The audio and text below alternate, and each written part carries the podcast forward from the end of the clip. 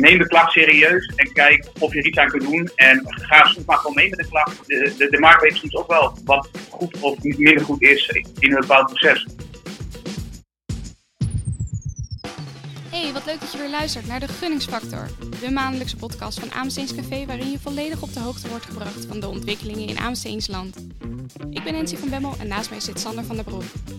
We hoorden zojuist een kort fragment met, van ons gesprek met Henk Timmer. Henk is eigenaar van aanbestedingszaken en adviseert inschrijvers. Net zoals in de vorige podcast is Henk helaas niet live bij ons aanwezig in de studio vanwege de coronamaatregelen. Hij belt dus met ons in, wat je misschien gaat horen aan de geluidskwaliteit. Henk, leuk dat je er bent. Dankjewel voor de uitnodiging. Ja, uiteraard. Nou ja, wij weten dat je inmiddels negen maanden je bedrijf aanbestedingszaken runt. Hoe gaat dat? Goed. Ja, ik, uh, ik heb ondertussen al een, een drukke agenda. En uh, heb al veel uh, mooie trajecten gedraaid met, met klanten. Dus dat geeft wel energie. Ja, kan ik me voorstellen. Want wat zijn jouw grootste uitdagingen, Henk, in het, in het aanbestedingsvak? Nou, op dit moment werk ik voor bedrijven. En mijn uitdaging is om bedrijven structureel opdrachten te laten winnen. En op zo'n manier dat je als inschrijft ook daadwerkelijk een oplossing biedt die de aanbesteder graag wil, wil hebben. Oké. En we gaan zo met jou de, verder de diepte in. Maar voordat we jou verder laten praten over de aanpassingen in de gidsproportionaliteit onder andere, wilden we eerst even het nieuws van de afgelopen weken op Aanbestedingscafé met je delen. Um, daarmee zal ik starten. In het kader van de serie Topadvocaten verscheen namelijk een interview met Frederik van Nauwhuis. En hij vertelt over zijn vak als aanbestedingsadvocaat en wat hij daar leuk aan vindt. Maar ook welke zaak uh, tijdens zijn carrière de meeste indruk op hem heeft gemaakt. Hij stelt onder meer dat er nog veel wantrouwen is bij aanbesteders richting de markt. Ja, dat is heel leuk dat uh, Frederik uh, op de website aan de beurt komt. We organiseerden namelijk een aantal jaar geleden samen met Adjust Consultancy al een event. Op het plein in Den Haag, dus vlakbij de Tweede Kamer. En Frederik van Nouwhuis was daar als spreker en hij vertelde over de tien grootste frustraties bij aanbestedingen. En ik kan me nog goed herinneren dat de toehoorders aan zijn lippen hingen. Als een advocaat vertelt hoe, hoe het heurt, of hoe hij denkt het te gaan, dan, dan, dan heeft hij altijd een groot publiek. ook dat artikel uit die tijd met die frustraties erin kun je nog terugvinden op de site. Ja, dat was een mooi event. En een aantal, aantal van die frustraties die Frederik toen ook noemde, die, die zijn nog steeds actueel. Althans, die noemde hij nog steeds in het, in het interview. Henk, wat, wat vind jij daarvan? Merk jij dat er in de praktijk uh, nog veel wantrouwen is richting de markt? Nou ja, ik moet zeggen, ik heb regelmatig contact met inkopers. En ik vind dat inkopers wel echt meedenken met inschrijvers over algemeen. Dus ik vind de kwaliteit op zich hoog. Soms merk ik wel dat een inkoper beperkte informatie wil geven in de stukken. En vervolgens ook in een nota gewoon niet alles doordelen. En, en daarom is het voor inschrijvers niet altijd even makkelijk om een goede aanbieding te doen.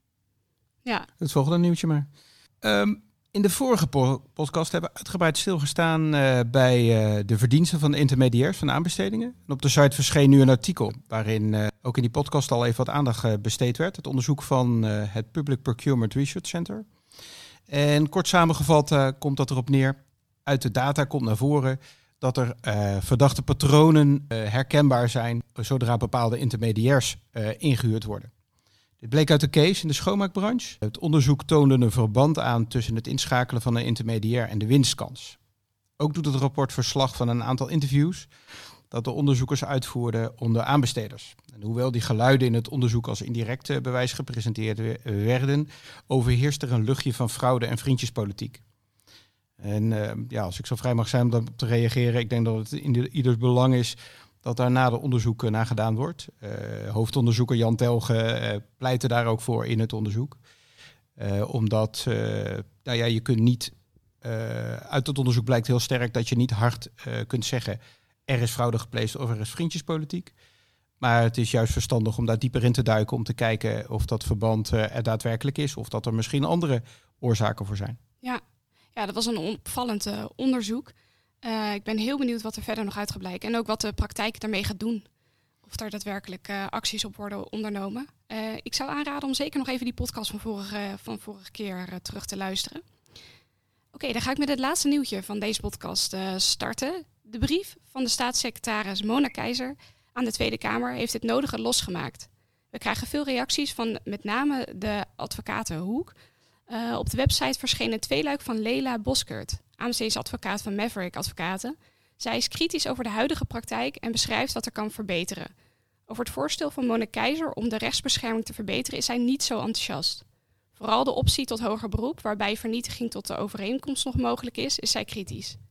Dit zal ondernemers volgens haar niet of nauwelijks helpen.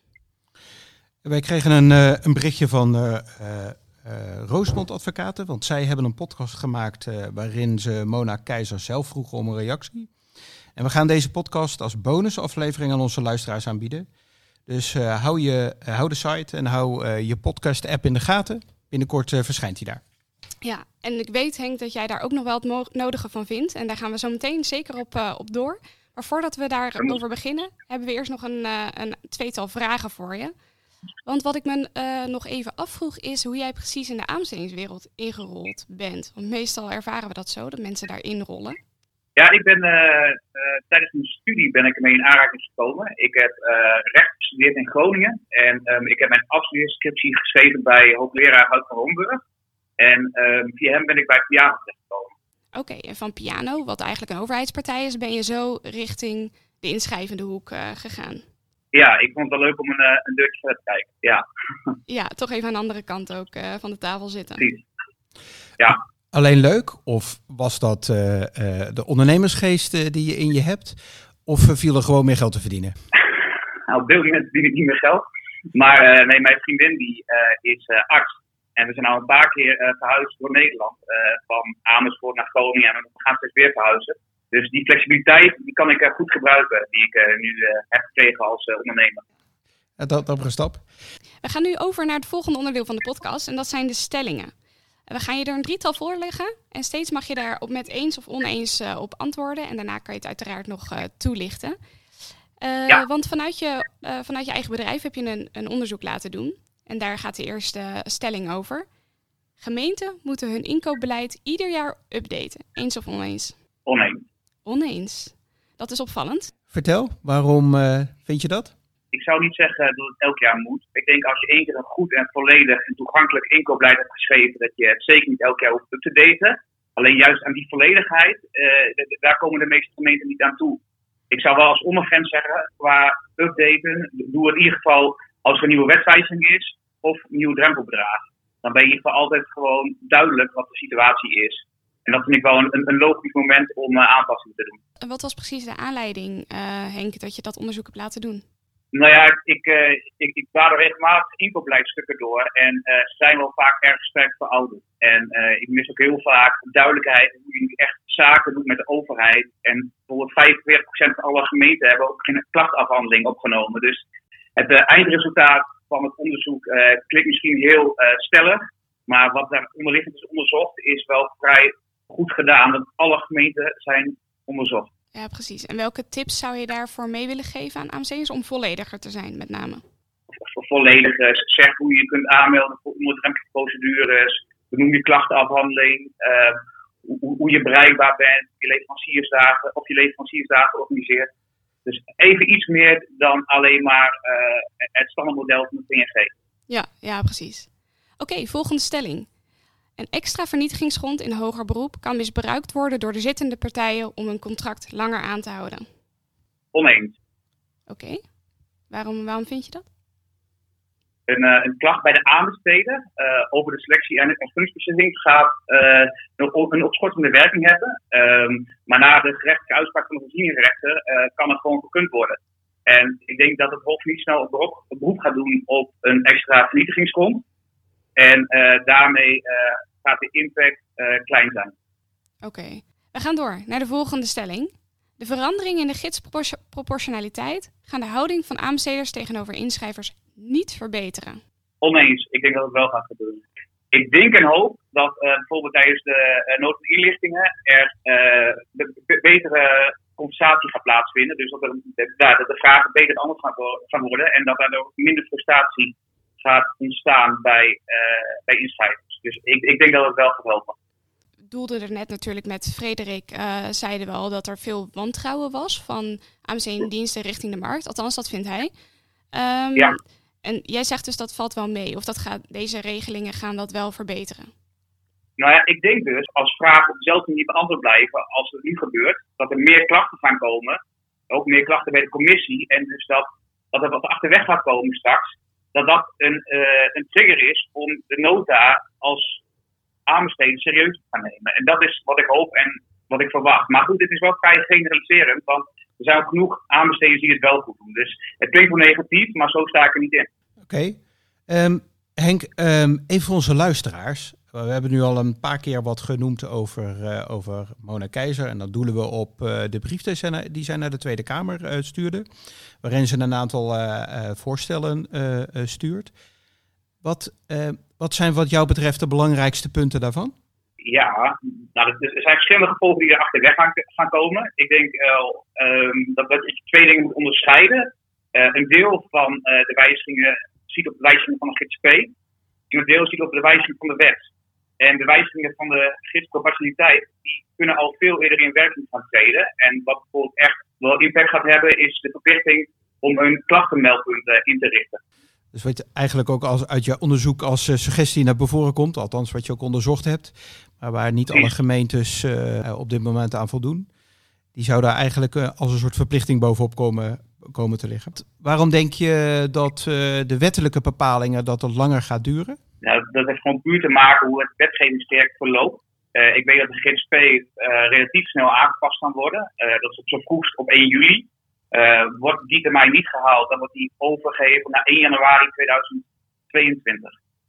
Okay. Ja. En de wet verwacht ik eigenlijk niet voor zomer 2022. En ja, dat, dat is wel echt andere wetgeving. Ja, je zegt er moet een, een klachtencommissie komen bij aanbestedende diensten. Uh, dat lijkt me best mhm. wel veel werk om dat op te richten voor 1 juli. Uh, vooral voor kleinere aanbesteders uh, die wel wat achterweg komen. Daar ben ik het met je mee eens. Ja, gaat, gaat dat lukken? Of wordt het dan eigenlijk sowieso 1 januari dat het ingevoerd wordt? Daar, daar heb ik geen zicht op. Want dat is iets wat de beleidsdirectie meding en consument in werking zet. Maar voor, voor aanbesteders moet het simpel gezegd gewoon lukken. We hebben tot die datum nog zeker 100 dagen volgens mij uit mijn hoofd. Um, dus ja, uh, volgens mij moet je over na gaan denken uh, hoe je het kunt regelen. Maar gemeenten kunnen onderling elkaars uh, klachtenmeldpunt worden. Dus als je in een inkoopsamenwerking zit, dan kun je je buurtgemeente vragen van joh, bij klachten kan ik jouw capaciteit benutten en andersom. Dus het is praktisch wel op te lossen. Wat is een belangrijk aspect waarvan jij vindt waar ze goed op zouden moeten letten? Dat, dat, dat klachten echt snel worden opgepakt, zodat het proces niet onnodig wordt vertraagd. Dus dat procedures door een klacht niet opeens twee weken langer gaan duren. Neem de klacht serieus en kijk uh, of je er iets aan kunt doen. En uh, ja, ga soms maar gewoon mee met de klacht. De, de, de markt weet soms ook wel wat goed of minder goed is in een bepaald proces. Op zich niet opvallend dat je dat zegt. We hebben een aantal uh, gasten in deze podcast eerder gehad. En die zeggen in de kern hetzelfde. Uh, aanbestedende dienst uh, geeft de inschrijver uh, kans om, om zich te laten horen als ze vinden dat er iets niet goed gaat. En reageer daar dan ook goed op. uiteraard binnen de context en binnen de, de verantwoordelijkheid die je hebt als aanbestedende dienst.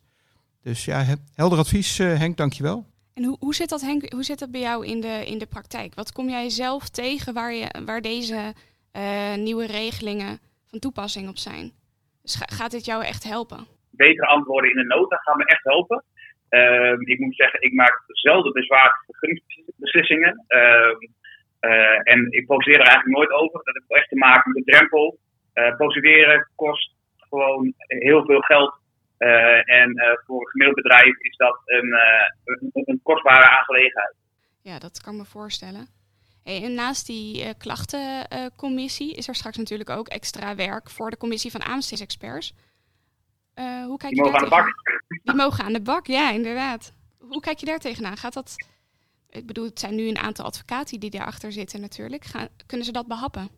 Uh, ik denk wel uh, dat, dat het allemaal een stuk sneller moet gaan. Want er moet straks binnen 14 dagen advies terugkomen richting de aanbesteden. En ehm, nou ja, die termijnen, dat is op dit moment toekomst, toekomstmuziek in de huidige praktijk. Dus ja, daar moet intern wel wat gebeuren, denk ik. Ja, want wat zijn de termijnen nu? Nou ja, ik, uh, ik heb adviezen gezien die uh, meer dan een jaar uh, onderweg zijn. ja, daar, daar kan het nooit voor bedoeld zijn. Dus dat, dat is goed dat dit wordt veranderd.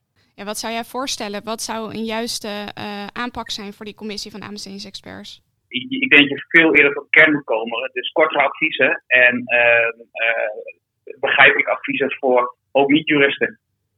Vind je dat de rol van de commissie van aanbestedingsexperts nu de goede kant op gaat? hè, zouden zij een belangrijkere rol in, in het proces moeten krijgen? Of heb je daar een ander beeld bij? Ja, ik vind zelf de, de, drempel voor een kort geding te hoog. Ik, ik, ik zou liever zien dat, dat daar een oplossing voor komt. ik, ik vind een, een commissie die niet meer adviezen mag geven, ja, niet een hele prettige rol. Dat noem je een interessant punt.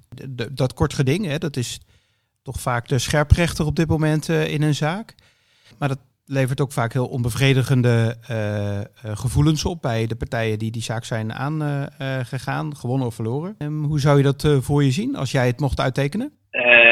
ja, ik, ik, zou deling van de kosten ehm, wel beter vinden, want dat is gewoon nu de hoogste drempel voor een bedrijf. En helemaal als in het gelijk wordt gesteld, dan vind ik dat daar gewoon wel iets tegenover mag staan. Dus aan de ene kant, de inschrijver krijgt uh, het recht om een klacht in te dienen als hij vindt dat er iets uh, niet ga gaat. Hè. Jouw oproep is heel duidelijk. Van uh, mm -hmm. reageer erop. Mocht dat toch niet tot, tot wat gaan leiden, dan zou de drempel om, nou in ieder geval, er een onafhankelijke partij te laten, erna te laten kijken lager moeten zijn. Dat is ook een helder advies. Even vanuit de, even de bril op van de, de inschrijver, hè, want daar, daar ben jij voor. Ehm, eh, ik ben zelf een lokale ondernemer. Ik haal het niet in mijn hoofd om in te schrijven op een, op een aanbesteding. Um, maar ik hoor jou heel erg pleiten voor nou, regels die het voor een ondernemer zoals ik makkelijker maken om eraan mee te doen. Wat zou je tegen hen willen zeggen? Ja, ik, ik probeer het altijd los te zien van de regels. als je een goed bedrijf bent met een goed product, dan heb je altijd kansen op de overheidsmarkt. mits de overheid binnen jouw sector inkoopt. En uh, ja, ik geloof dat, dat, dat weinig inkoop voor weinig aanbesteders echt een, een, een keiharde voorkeur hebben voor een bepaalde partij. Soms bekruipt dat gevoel wel, maar in het merendeel van de gevallen verwacht ik wel dat inkopers echt daadwerkelijk meedenken. En ja, als je goed product hebt en je, je, hebt, je capaciteit om, om ja, je beste voor gaan doen, dan ja, zijn er genoeg kansen eh, voor, voor ondernemers eh, bij aanbestedingen. Hey, bedankt uh, Henk en Sander. Ik denk dat we hiermee aan het einde van de podcast zijn gekomen. En de luisteraars ook ontzettend bedankt voor het luisteren. Volgende maand zijn we er weer met een gloednieuwe aflevering van de Gunningsfactor. Wil je nu geen enkele podcast missen? Abonneer je dan zeker even op dit kanaal. Graag tot de volgende podcast. Tot de volgende keer.